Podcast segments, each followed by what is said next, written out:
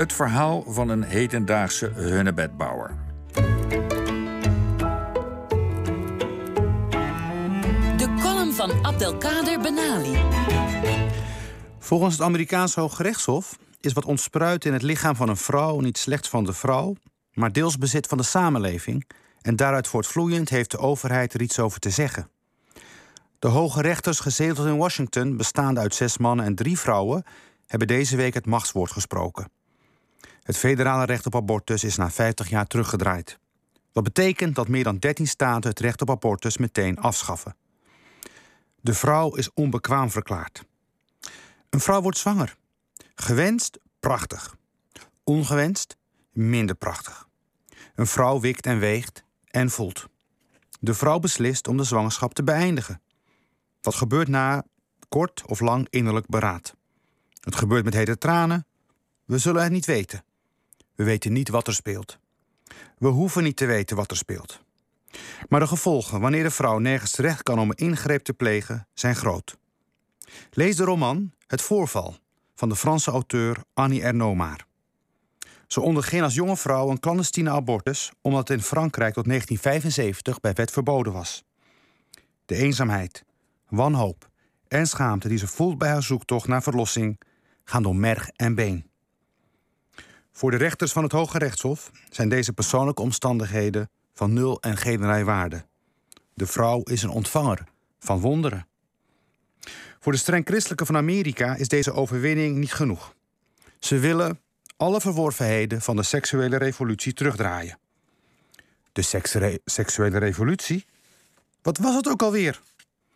In de jaren zestig barstte het open. Baas eigen buik, provo's, woedstok aan de Maas. Kortom, de vrijheid van het individu om zijn eigen leven te bepalen. En dat moet teruggedraaid worden. Te beginnen bij de vrouw. Want sinds Adam en Eva wordt de vrouw als de bron van het kwaad gezien.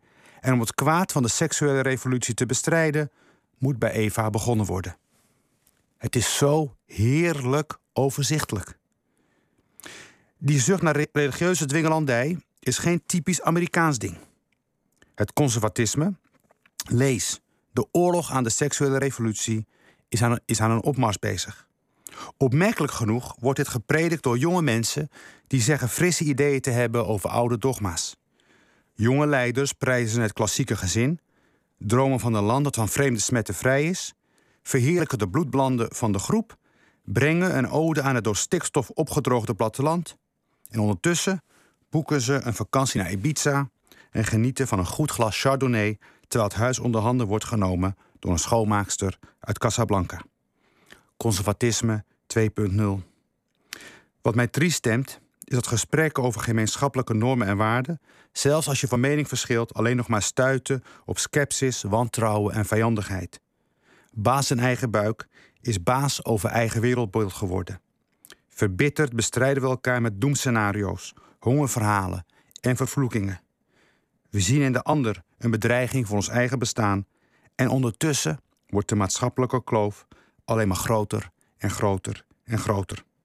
En deze scheur loopt door gezinnen, families, vriendschappen en werkrelaties. Het is burgeroorlog in het hoofd. Het is doodsbenauwd in het hart.